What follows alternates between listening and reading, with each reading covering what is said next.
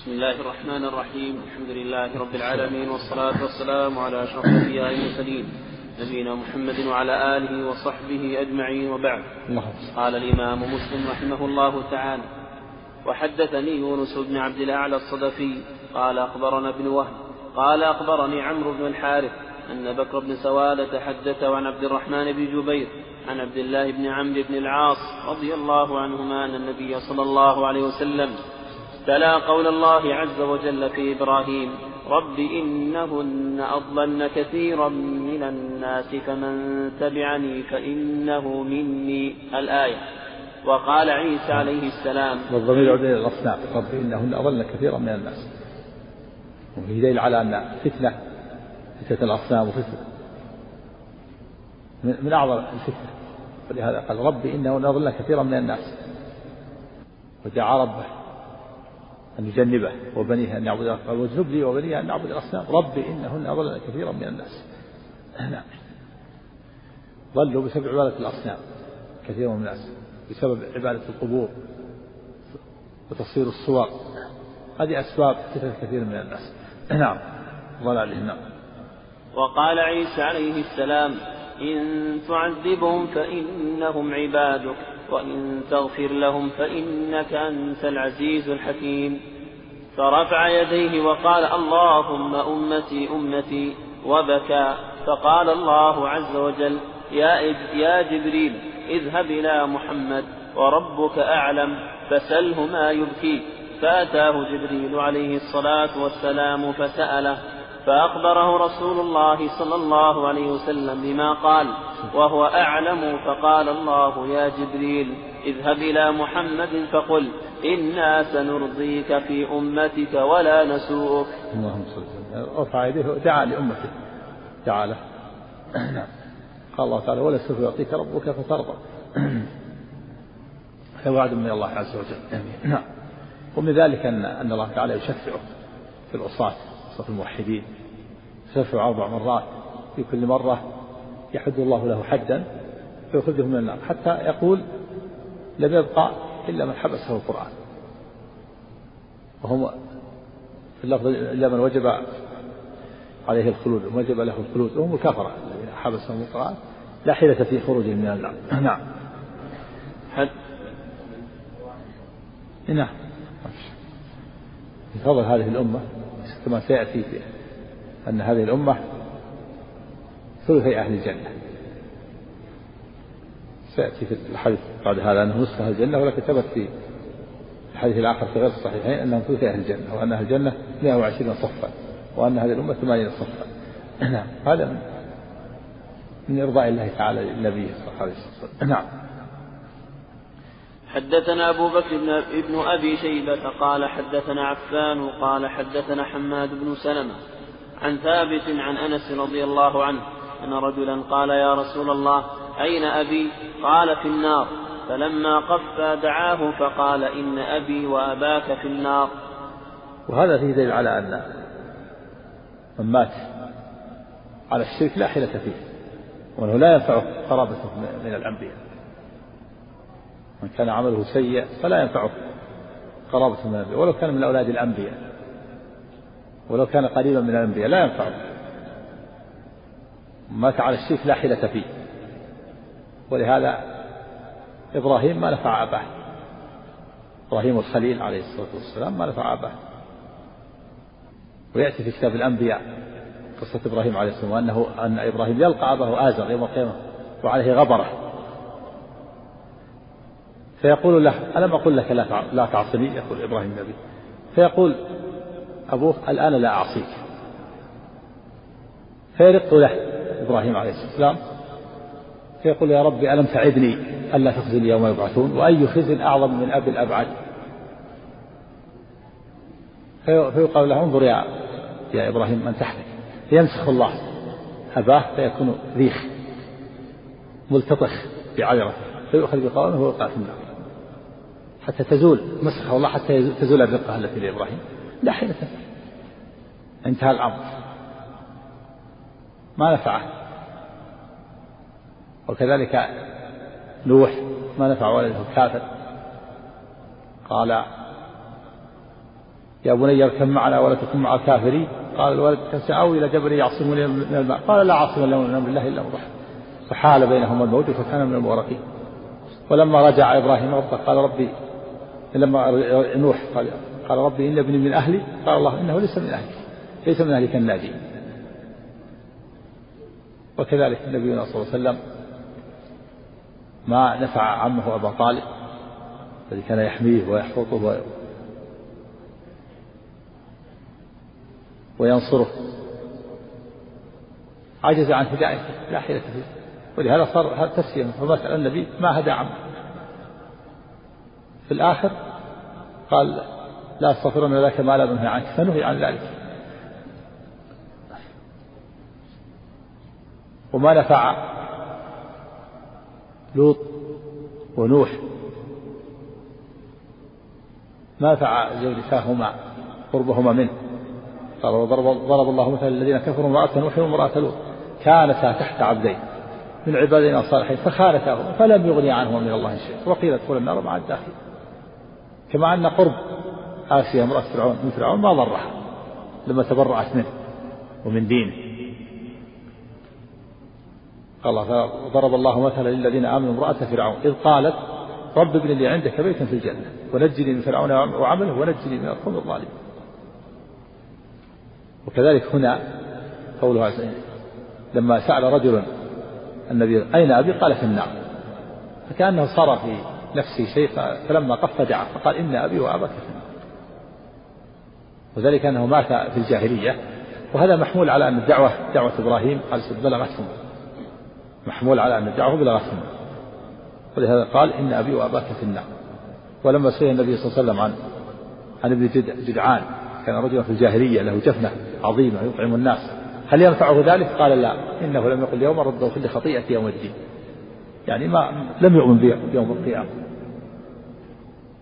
أما من لم تبلغه الدعوة أهل الجاهلية الذين ماتوا في الفترة ولم تبلغهم الجاهلية تبلغهم الدعوة فالصواب الذي عليه محقق من أهل العلم أنهم يمتحنون يوم القيامة. ذهب إلى ذلك أبو العباس بن تيمية رحمه الله وابن القيم وأنه جرى لهم امتحان. يخرج لهم عنق من النار يؤمرون بورودها وردوها. فمن وردها كان عليه برد وسلام ومن لم يردها ظهر فيه علم الله. وسبقت عليه الشقاوة. جاء في هذا حديث بعضها يشد بعضها بعضا وإن كان الواحد منها لا يسلم من مقال لكن بعضها يشد بعضا.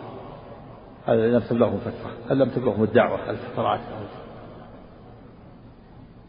وهناك من من أهل الفترة من طلب دين إبراهيم ومات على التوحيد في القدس بن ساعد وجماعة سيد بن عمرو بن نفيل ماتوا على التوحيد يطلبون دين إبراهيم وأعرضوا عن الشرك وما عليه الأصنام. ويقابلهم. من قامت عليه من قامت من بلغت الدعوة قامت عليه الحجة كان إن أبي وأباك في النار وهناك من هو مسكوت عنه وهم أهل الجاهلية والفترات. هؤلاء أصح ما قيل فيهم أنهم امتحنوا ذكر ابن القيم رحمه الله أقوال في طبقات المكلفين. وأن هذا من الأقوال. نعم. نعم. توحيد الربوبية؟ لو أقر به وحده ما نفعه ما أنجاه من النار. كفار قريش يؤمنون بتوحيد الربوبية هو نوع من التوحيد لكن ما يكفي. ما يكفي في خلاص من النار حتى يوحد. لا هذا مفطور عليه جميع الأمم إلا من شك جميع الأمم فطروا على هذا ولا في نزاع بين الأمم وبين الرسل. ما نزعوا في هذا يقرون. كفار قريش في أشد عداوة من الذين يقرون. ولا إن سألتهم خلقهم لا يقولون الله. هذا كل الأمم يقرون بها إلا من شك ما فيه ما في نزاع. ذلك توحيد الأسماء والصفات. النزاع في توحيد العبادة والألوهية. نعم. هذا قد يوجد قد يوجد بعض أهل الجاهلية من يشرك في الربوبية. بعضهم بعض أهل الجاهلية يعتقدون أن روح الميت تخرج وأنها تجيب من دعاها وتنصر من لاذ بحماها هذا نوع من الشرك في الربوبية لكن قليل. نعم. كل من لم تبلغه الدعوة حتى لما لا تبلغه الدعوة حكم حكم الفترات كل ما لا تبلغ دعوة النبي صلى الله عليه وسلم في المجاهيل حتى في هذا الوقت وإن كان هذا قليل نادر لو فرض أن أحد ما بلغت الدعوة حتى حكم هذه الفترات ولا نعم الذي ما ما بلغتهم الدعوة وما علموا شيء ولا سمعوا عن دعوة إبراهيم ولا سمعوا عن دعوة الأنبياء شيء قال سمع بعضهم سمع وبعضهم بلغت وبعضهم تبلغ من لم تبلغ فهو أهل الفترات نعم هذه بلغتهم الدعوة. نعم الشك. يقول النبي صلى الله عليه وسلم الحديث والذي نفسي بيده لا يسمع بي أحد من هذه الأمة. يهودي ولا نصراني ثم لا يؤمن بي إلا دخل النار. نعم يعني بعد الله تعالى وما كنا معذبين حتى نبعث رسولا وقد بعث الرسول نعم. نعم معرفة. نعم. إذا سمع إذا بعد نزول القرآن وبعثة الرسول قامت الحجة. نعم. ها؟ بلى لكن محمول على أن دعوة إبراهيم بلغت. هذا محمول. نعم. ها؟ نعم. إذا علم أنه مات على الشرك وأنه قامت عليه الحجة وإلا يشهد على العموم. يشهد على العموم كل كافر في النار كما أنه لا يشهد المؤمن بالجنة بعينه. ما يشهد لشخص فلان بفلان بينهم إلا لمن شهدت له النصوص كالعشر المبشرين بالجنة. ولا يشهد شخص بعينه بأنه من النار إلا من عرف أنه مات أنه قامت عليه الحجة مات على الشرك يعبد الأوثان والأصنام وقامت عليه الحجة ولا شبهة له. أو عرف أنه مات على اليهودية وأنه لا شبهة له أو على النصرانية. أما من لم يعلم يشهد بالعموم. يعني يحتمل أنه ما بلغت الحجة أو ما أو عنده شبهة نعم. شيء هذا في قول قول لبعض العلماء لكن غير معتمد. معتمد ما شهدت له النصوص. لأن هذا قول من الأقوال الثلاثة أنه يشهد لمن شهد له اثنان عدلان. نعم. قول هذا أحد الأقوال لكن مرجوحا. نعم. حدثنا قتيبة بن سعيد وزهير بن حرب بن حرب قال حدثنا جرير عن عبد الملك بن عمير عن موسى بن طلحة عن أبي هريرة رضي الله عنه قال لما أنزلت هذه الآية وأنذر عشيرتك الأقربين دعا رسول الله صلى الله عليه وسلم قريشا فاجتمعوا فعم وخص فقال يا بني كعب بن لؤي أنقذوا أنفسكم من النار. يا بني مرة بن كعب أنقذوا أنفسكم من النار. يا بني عبد شمس أنقذوا أنفسكم من النار. يا بني عبد مناف أنقذوا أنفسكم من النار. يا بني هاشم أنقذوا أنفسكم من النار. يا بني عبد المطلب أنقذوا أنفسكم من النار. يا فاطمة أنقذي نفسك من النار. فإني لا أملك لكم من الله شيئا غير أن لكم رحما سأبلها ببلالها. ببلالها. يعني سأصلها بصلتها. شبه قطيعة الرحم بالحرارة. وصلتها بالماء الذي يطفئ الحرارة وهذا فيه امتثال منه عليه الصلاة والسلام لقوله تعالى وأنذر عشيرتك الأقربين عم وخص أنذرهم من النار. وفي دليل على على أنه عليه الصلاة والسلام لا يملك أن يخرج أحدا من النار ولا ندخل أحد الجنة وأنه هذا ليس بيده وأن هذا بيد الله. ولهذا قال أنقذوا أنفسكم لا أغني عنكم من الله شيئا حتى أقرب الناس حتى فاطمة ابنته. قال يا فاطمة محمد. سليني من مالي ما شئت. أنقذي نفسك من الله عنك من الله. المال سليم يعطيك لكن النار ما أستطيع. أنقذي نفسك من النار. صفية عمة رسول الله. والعباس كل عمه وخص عليه الصلاة هذا فيه الرد على من عبد النبي صلى الله عليه وسلم. وظنوا أنه يملك شيئا من هداية القلوب وتفريج الكروب. هذا كله بيد الله. الرسول عليه الصلاة والسلام كما قال الله إنما أنا بشر مثلكم يوحى إلي. بشر نبي كريم يوحى إليه مبلغ عن الله. لكن ليس بيده شيء من هداية القلوب وليس باستطاعة أن يخرج أحدا من النار ولا يدخل أحدا الجنة. وإذا شفع عليه الصلاة والسلام فإن الله يحد له حدا. نعم. وحدثنا عبيد الله بن عمر القواريري قال حدثنا أبو عوانة عن عبد الملك بن عمير بهذا الإسناد وحديث جرير أتم وأشبه. حدثنا محمد بن عبد الله بن عمير قال حدثنا وكيع ويونس بن بكير قال حدثنا هشام بن عروة عن أبيه عن عائشة رضي الله عنها قالت لما نزلت وأنذر عشيرتك الأقربين قام رسول الله صلى الله عليه وسلم على الصفا فقال يا فاطمة بنت محمد يا صفية بنت عبد المطلب يا بني عبد المطلب لا أملك لكم من الله شيئا. سلوني من مال ما شئتم. يعني الدنيا يسألون أما الآخرة ما أستطيع ما أستطيع أن أنقذكم من النار المال ليستطيعوا سلوني أعطيكم في الدنيا ما شئت. لكن في الآخرة أنقذوا أنفسكم من النار. نعم. وحدثني كيف بعد هذا يقال إن الرسول يشفع وإنه يملك الدنيا والآخرة كما يقول البوصيري يخاطب الرسول. يقول يا أكرم الخلق ما لي من ألوذ به سواك عند حلول الحادث العمل. يقول ما لي إلا أنت اذا عم الحادث العمل وهو يوم القيامة. فإن من جودك الدنيا وضرتها ومن علومك علم اللوح والقلم. هل اعظم من هذا الشرك يقول من جودك يا محمد الدنيا وضرتها الآخرة. تملك الدنيا والآخرة. وش بقي لله؟ ما بقي شيء. إذا كان يملك الدنيا والآخرة ما بقي ومن علومك علم اللوح والقلم. اللوح المحفوظ والقلم. ماذا أبقى. نسأل الله السلامة والعافية. كيف يقال هذا والنبي يقول لا أملك لكم من الله شيئا. أين قول الله تعالى؟ وما أدرك ما يوم الدين ثم ما أدرك ما يوم الدين. يوم لا تملك نفس لنفس شيئا والأمر يومئذ لله. ولكن عمل بصيرة لا حيلة فيه حول ولا قوة إلا نعم. أعوذ بالله من عمل بصيرة. نعم.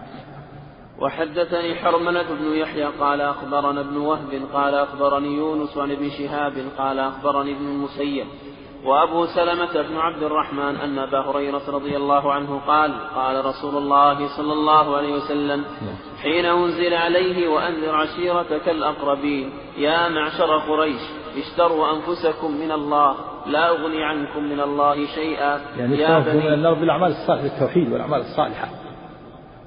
اشتروا أنفسكم وبيعوا أنفسكم على الله بالتوحيد والأعمال الصالحة التي ينقذكم الله بسببها من النار.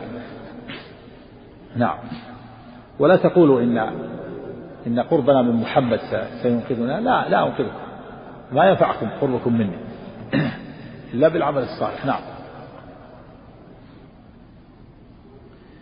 يا بني عبد المطلب لا أغني عنكم من الله شيئا. يا عباس بن يا عباس بن عبد المطلب لا أغني عنك من الله شيئا. يا صفية عمة رسول الله لا أغني عنك من الله شيئا. يا فاطمة بنت رسول الله سليني بما شئت لا أغني عنك من الله شيئا. سليني ما شئت يعني من الدنيا. الدنيا اللي يستطيع أعطيك لكن الآخرة ما أستطيع أنقذك منها أنقذ نفسك من النار التوحيد والإيمان. نعم. وحدثني عمرو الواقد قال حدثنا معاوية بن عمرو قال حدثنا زائدة قال حدثنا عبد الله بن ذكوان.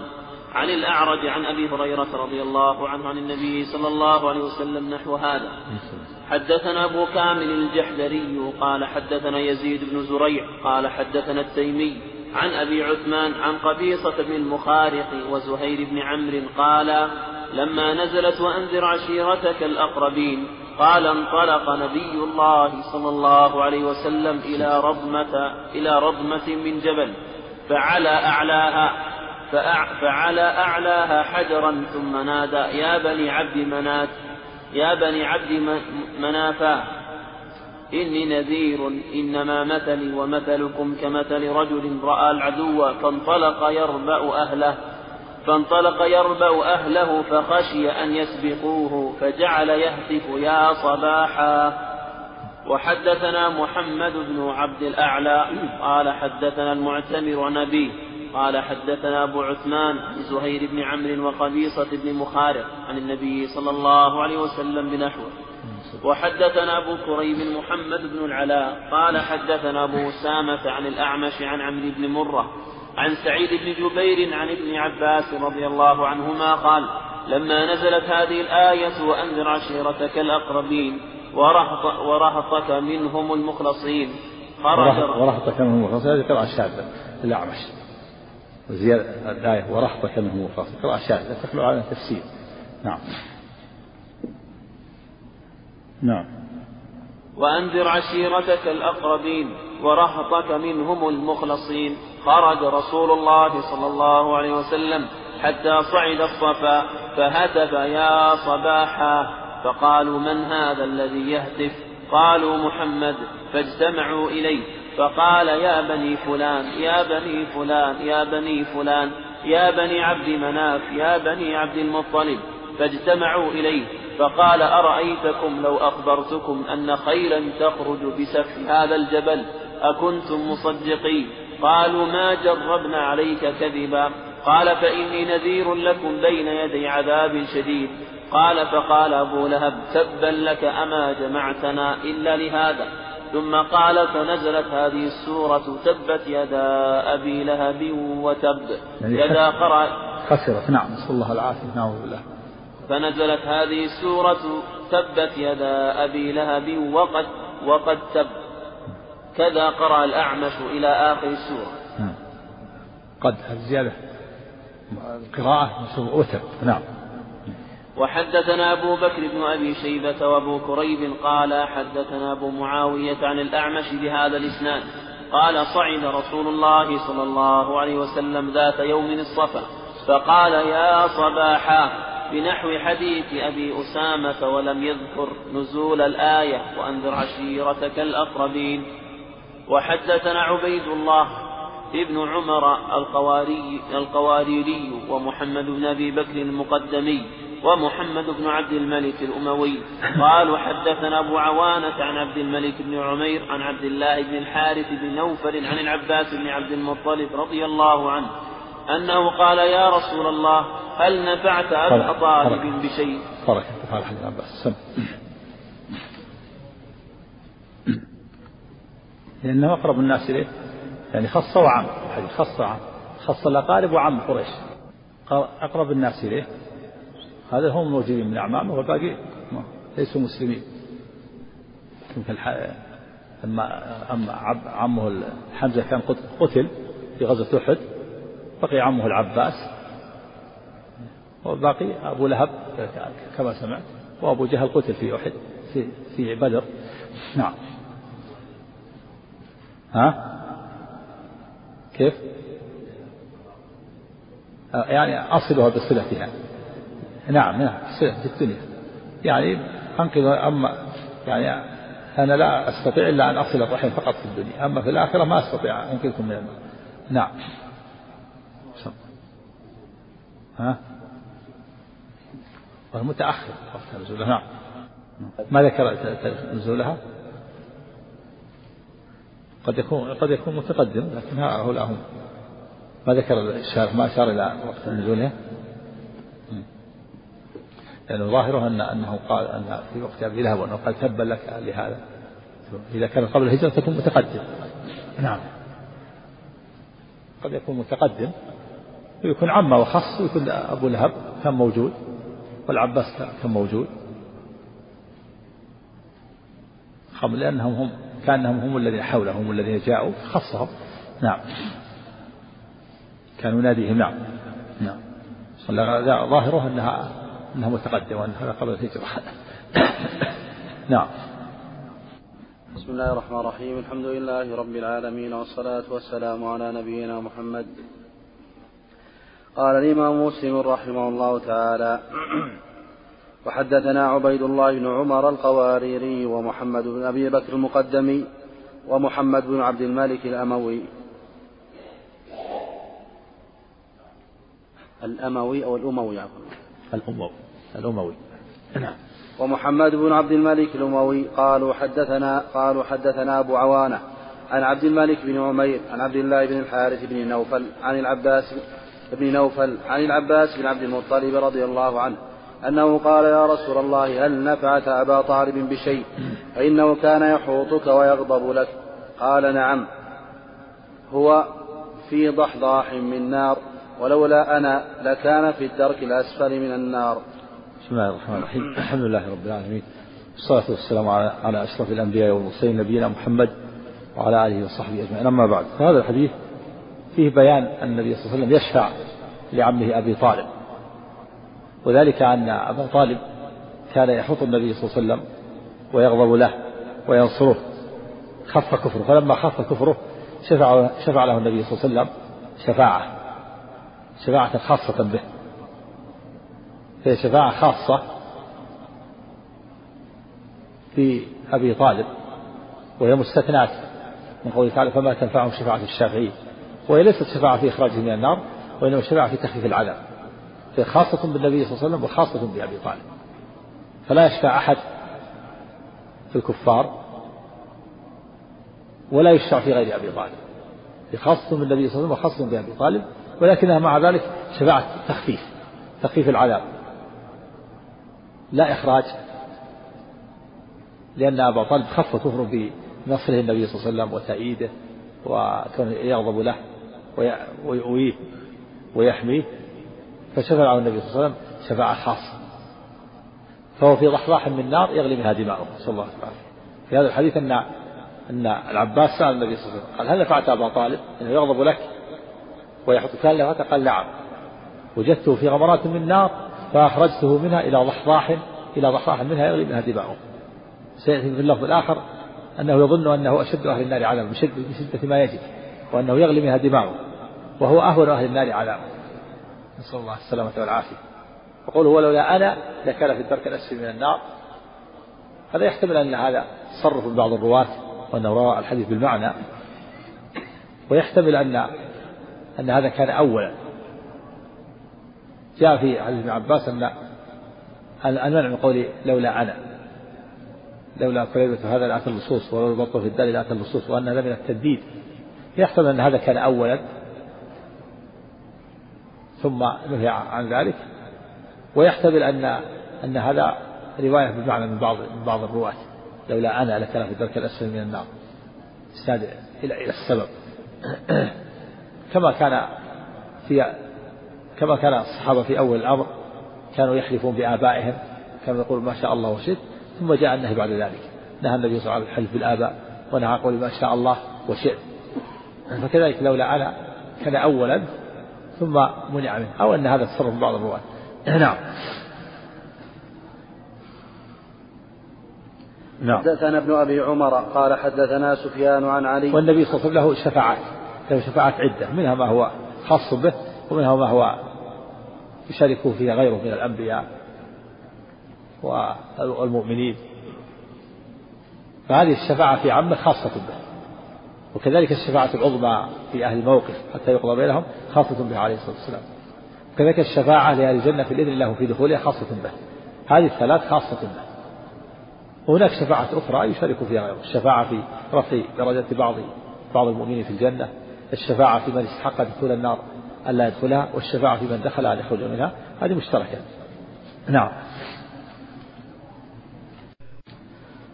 حدثنا ابن أبي عمر قال حدثنا سفيان عن عبد الملك بن عمير عن عبد الله بن الحارث قال سمعت العباس رضي الله عنه يقول قلت يا رسول الله إن أبا طالب كان يحوطك وينصرك فهل نفعه ذلك؟ قال نعم.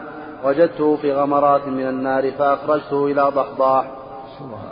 الضحضاح شيء قليل. يطلق الضحضاح على على الماء القليل الذي يكون في يكون في, في الإناء. إذا كان ماء في في آخر الإناء في قعر الإناء شيء ماء قليل يقال الضحضاح شيء قليل. فأخرجه النبي صلى الله عليه وسلم بشفاعة أخرجه الله بشفاعة النبي صلى الله عليه وسلم. أخرج أبو طالب من غمرات من نار منغمس فيها إلى ضحضاح قليل. يغلي منها دماغه نعوذ بالله. نعم. صلى الله عليه وسلم نعم. وحدثني محمد بن حاتم قال حدثنا يحيى بن سعيد عن سفيان قال حدثني عبد الملك بن عمير قال حدثني عبد الله بن الحارث قال أخبرني العباس بن عبد, بن عبد, بن عبد المطلب. حاو حدثنا أبو بكر بن أبي شيبة قال حدثنا وكيع سفيان بهذا الإسناد عن النبي صلى الله عليه وسلم بنحو حديث أبي عوانة. وحدثنا قتيبة بن سعيد قال حدثنا ليث عن ابن الهاد عن عبد الله بن خباب عن أبي سعيد الخدري رضي الله عنه أن رسول الله صلى الله عليه وسلم ذكر عنده عمه أبو طالب فقال لعله تنفعه شفاعتي يوم القيامة فيجعل في ضحضاح من نار يبلغ كعبيه يغلي منه دماغه. نسأل الله العافية. ضحضاح من نار يبلغ كعبيه. الكعب في الرجل. هما حد حد الوضوء في غسل الرجلين إلى الكعب. هما العظمان الناتئان في جانبي القدم. يقال لهم الكعبان. فالضحضاح يصل إلى الكعبين ومع ذلك يغلي دماغه من هذا الضحضاح نسأل الله العافية. يغلي يعني يضطرب ويتحرك الدماغ كما يضطرب الماء الذي يكون الماء في القدر الذي تحته النار. نسأل الله السلامة والعافية. نعم. إذا كان هذا إذا كان هذا الذي الذي في مصلحة من أغلب منها دماغه فكيف بالذي في وسط الغمرات؟ نسأل الله العافية. نعم. حدثنا أبو, أبو بكر بن أبي شيبة قال حدثنا يحيى بن أبي بكير. يحيى بن أبي بكير أو يحيى بن بكير. ابن أبي نعم. يحيى بن بكير. عندي يحيى ابن أبي بكير. إيش عندك؟ نعم ابن أبي بكير نعم. حدثنا أبو بكر بن أبي شيبة قال حدثنا يحيى بن أبي بكير. قال حدثنا زهير. في إيش؟ في ابي يحذفونها؟ لا لا. عبد الله بن عبد الله بن أوفى في وزرة بن أوفى. زرارة بن أبي أوفى. عبد الله بن أوفى الصحابي. والتابعي زرارة بن أوفى. ما يتساهل فيها. يجعلونها فارق نعم حدثنا أبو بكر بن أبي شيبة قال حدثنا يحيى بن أبي بكير قال حدثنا زهير بن محمد عن سهيل بن أبي صالح عن النعمان بن أبي عياش عن أبي سعيد الخدري رضي الله عنه أن رسول الله صلى الله عليه وسلم قال إن أدنى أهل النار عذابا ينتعل بنعلين من نار يغلي دماغه. إن إن أدنى أهل النار عذابا ينتعل بنعلين من نار يغلي دماغه من حرارة نعليه نسأل الله العافية هذا أدناهم. فكيف أشدهم؟ نسأل الله العافية نعم. وحدث نعم. يعني يعني يشارك كالمنافقين أحكام الدرك الأسفل يتفاوت أيضا. يعني أنه يكون مع الكفرة يزاد عذابه ويضاعف عليه العذاب النبي صلى الله عليه وسلم لما شفعه أخرج من الأسفل إلى الأعلى. نعم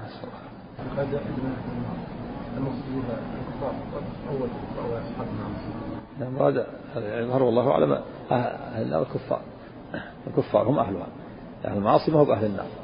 خروجهم دخولهم عارض تطهير نعم.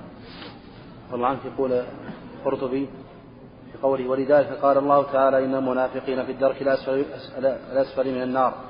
وكان أبو طالب يستحق ذلك إذ كان قد علم صدق النبي صلى الله عليه وسلم في جميع حالاته ولم يخف عليه شيء من أموره من مولده إلى حين اكتماله.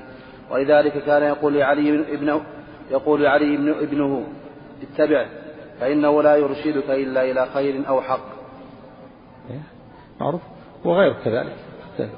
حتى غير أبي طالب كلهم يعلمون صدق النبي صلى الله عليه وسلم ما يخفى عليهم شيء من نعم وحدثنا أبو بكر بن أبي شيبة قال حدثنا عفان قال حدثنا حماد بن سلمة قال حدثنا ثابت عن أبي عثمان النهدي عن ابن عباس رضي الله عنهما أن رسول الله صلى الله عليه وسلم قال أهون أهل النار عذابا أبو طالب وهو منتعل بنعلين يغلي منهما دماغه. نسأل الله العافية نعم.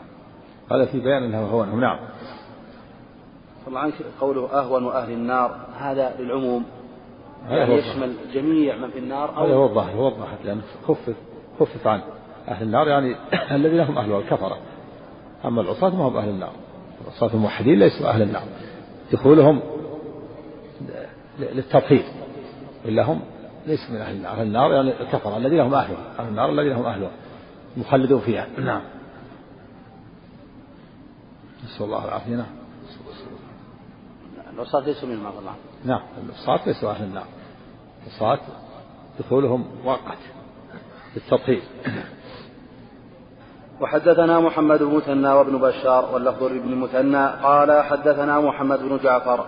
قال حدثنا شعبة. قال سمعت أبا إسحاق يقول سمعت النعمان بن بشير رضي الله عنه يخطب وهو يقول سمعت رسول الله صلى الله عليه وسلم يقول إن أهون أهل النار عذابا يوم القيامة. لرجل توضع في أخمص قدميه جمرتان يغلي منهما دماغه. الله العافية جمرتان. في كل رجل جمرة. الأخمص هو أسفل أسفل القدم. في وسط في وسط الرجل. بعد الأصابع وقبل آخر آخر الرجل المنخفض. الذي في وسط الرجل هذا يقال في الأخمص. يوضع في يجعل في خمسي قدميه جمرتان. في كل رجل جمرة. ومع ذلك يغلي من هذه الجمرة دماغه. كما يغلي القدر بالماء الذي تحته النار. نسأل الله العافية. نعم. يأتي نعم. وحدثنا أبو بكر بن أبي شيبة قال حدثنا أبو أسامة عن الأعمش عن أبي إسحاق عن النعمان بن بشير رضي الله عنه قال قال رسول الله صلى الله عليه وسلم إن أهون, إن أهون أهل النار عذابا من له نعلان وشراكان من نار يغلي منهما دماغه كما يغلي المرجل. ما يرى أن أحدا أشد منه عذابا وإنه لأهونهم عذابا. المرجل القدر القدر الذي تحته النار. وهو يرى أنه أشد أهل النار عذابا من شدة, من شدة ما يجد من الألم والواقع أنه خفه. نعم. حدثني أبو بكر بن أبي شيبة قال حدثنا حفص بن غياث عن داود عن الشعبي عن مسروق عن عائشة رضي الله عنها قالت قلت يا رسول الله ابن جدعان كان في الجاهلية هذه الحديث فيها بيان بيان أهون أهل النار عذابا. وأن أهون أهل النار عذابا هؤلاء الأنواع. الأول من في ضحضاح من نار يغلي منها دماؤه. والثاني من له نعلان من نار يغلي منهما دماؤه. والثالث من في أسفل في أخبص قدميه جبرتان من نار يغلي منهما دماؤه والرابع من له شراكان من نار يعني الشراكان هو السير الذي على ظهر ظهر القدم سير النعل الذي يكون على ظهر القدم. السير في كل رجل سير. يكون له سير على نعله في سير نعله يكون من النار يغلي منها دماغه والثاني له نعلان من النار يغلي منه دماغه والثالث في أخمصيه جمرة يغلي منه دماغه والرابع في ضحضاح من النار. هؤلاء متقاربون. كله أسهل أهل النار عذابا لا منافاة بينهم فمن في يخلصه جمرتين من النار ومن هو متعر بنعلين من النار ومن له شركان من النار ومن هو في ضحضاح هؤلاء كلهم أخف أهل النار عذابا. فقولوا أهون أهل النار عذابا؟ يدل على أن هذا مساوي له. هذا مساوي له في العذاب. كل واحد من هذه الأنواع متقارب. مقارب للآخر. هؤلاء الأنواع كلهم أخف أهل النار عذابا. ولا يفي من ذلك أن يكون هناك أحد مساوي له يقول أهون أهل النار عذابا في له نعلان أو من في أخلص قدمين. لا ينفي أن يكون هناك أحد يساويه فهو أهونهم لكن هناك من يساويه فيكون من في ضحضاح يساوي ومن له نعلان يساوي ومن له شركان يساوي. مثل قوله ومن أظلم من افترى على الله كذبا أو كذب بالحق لما من أظلم. من افترى على الله كذبا أظلم الناس. لا أحد أظلم منه. لكن هناك من يساوي في الكذب كما في الآيات الأخرى التي فيها ومن أظلم. نعم. حدثني أبو بكر بن أبي شيبة قال حدثنا حفص بن غياث عن داود عن الشافعي عن مسروق عن عائشة رضي الله عنها قالت قلت يا رسول الله ابن جدعان كان في الجاهلية يصل الرحم ويطعم المسكين فهل ذاك نافعه؟ قال لا ينفعه. إنه لم يقل يوم الرب اغفر لي خطيئتي يوم الدين. المعنى أنه أنه لا يؤمن بيوم القيامة لأنه وهذا كفر. والكافر لا ينفعه أي عمل فابن جدعان كان لا لا يؤمن بيوم القيامة لا يؤمن بيوم الآخر فلا ينفعه أي عمل والكفر أنواع. منه عدم الإيمان بيوم القيامة عدم الإيمان بالآخر وعدم الإيمان بالله هذا نوع من الكفر. عدم الإيمان بالملائكة أو الكتب أو الرسل أو اليوم الآخر أو القدر. والكفر أنواع أهل الجاهلية كانوا يتفاوتون. لكن أغلبهم كانوا يعبدون الأصنام والأوثان. ومنهم من يجمع مع ذلك ومنهم من لا يؤمن بيوم القيامة كابن جدعان ومنهم من يجمع بين الأمرين يعبد الأصنام ولا يؤمن بالآخرة. ولهذا لم تنفعه لم ينفعه عمله لأنه لا يؤمن بيوم القيامة جدعان لا ينفعه طعامه المسكين ولا صلته للرحم لا ينفعه في, في, في الآخرة لكن قد ينفعه في الدنيا. كما جاء في ينفعه في الدنيا جاز به مالا أو صحة في بدنه أو ولدا فيفضي إلى الآخرة ولا حسنات له. نسأل الله العافية. الأعمال شرطها شرط نفعها بشرط صحتها الإيمان. فإذا لم يكن الإنسان مؤمن لا ينفعه أي عمل ما ينفعه صلة الرحم ولا ينفعه الصدقات ولا ينفعه ما تنفعه. إلا إذا كان كانت مبنية على الإيمان. لكن قد تنفعه في الدنيا. في الدنيا قد يعجل له ثواب قد يعطى ثواب ذلك في الدنيا فيفضي إلى الآخرة والحسنة له وهذا قد هذا مثل الحديث السابق إن أبي وأباك في النار.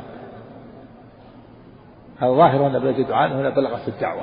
الحديث ان ابن جدعان بلغت الدعوة وانه لم يؤمن. لم يؤمن بالقيامه بيوم القيامة ولهذا لم يؤمن بالقيامة. ولهذا لم لم تفعه أعماله لم تفعه صلته للرحم ولا ولا إطعامه مسكين. لأنه مات على الكفر ولم بيوم القيامة. فظاهر الحديث أنه بلغته الدعوة. مثل أبا والد الرسول قال فيه إن أبي وأباك في النار. نعم. قال وقد انعقد الإجماع على أن الكفار لا تنفعهم أعمالهم ولا يثابون عليها بنعيم ولا تخفيف عذاب. لكن بعضهم أشد عذابا من بعض بحسب جرائمهم. يعني يتفاوتون في الأزمة. إيه يتفاوتون. ما في شك الكفار يتفاوتون. المنافقون في الدرك الاسفل من النار. والكافر الذي يصد الناس عن دين الله ويفتن الناس أشد عذاب من الكافر لله قال سبحانه الذين كفروا وصدوا عن سبيل الله زدناهم عذابا فوق العذاب بما كانوا يفسدون. وقال إن المنافقين في الدرك الأسفل من النار. يتفاوتون. لا شك أنهم يتفاوتون. الكفار كما أن المؤمنين يتفاوتون في النعيم والدرجات. يتفاوتون. المؤمنون كلهم في الجنة لكن درجات متفاوتة.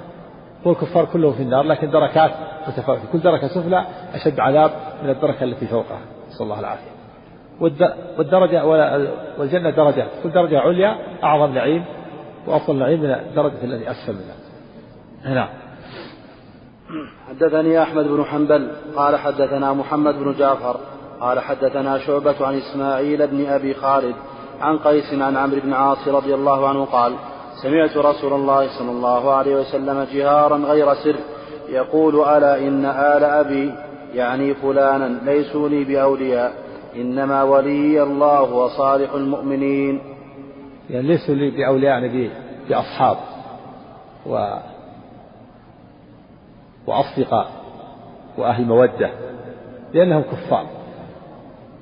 إنما ولي المؤمنين. وفيه أن أن أولياء النبي صلى الله عليه وسلم هم المؤمنون وإن بعدوا منه نسبا. وأن غير المؤمنين ليسوا أولياءه وإن قربوا نسبا. فولي المؤمن هم المؤمنون. وإن بعد نسبهم. وغير المؤمن ليسوا أولياء له وإن قرب وإن قربوا وإن كان أباه وأخاه وأمه. قولوا إن آل أبي فلان هذا الراوي كنا قال آل أبي فلان. لئلا يحتمل أن يترتب على تسمية مفسدة. جاء بعض أنه أنه الحكم بن أبي العاص أو غيره. قال ألا إن آل أبي فلان. ألا إن ألا أبي يعني فلان. ومعروف الراوي كنا لئلا ترتب هذا مفسدة تتعلق بنفسها أو بغيره. وهو الحكم بن أبي العاص ليسوا لي بأولياء. يعني ليسوا لي أصحاب ولا أصدقاء ولا أهل مودة. لأنهم ليسوا مؤمنين. إنما أوليائي الله وصالح إنما ولي الله وصالح المؤمنين.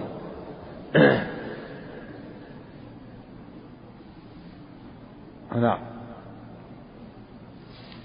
هذا في دليل على أن الولي ولي الإنسان يعني الذي يواليه ويحبه ويكون أهل مودته هم المؤمنون.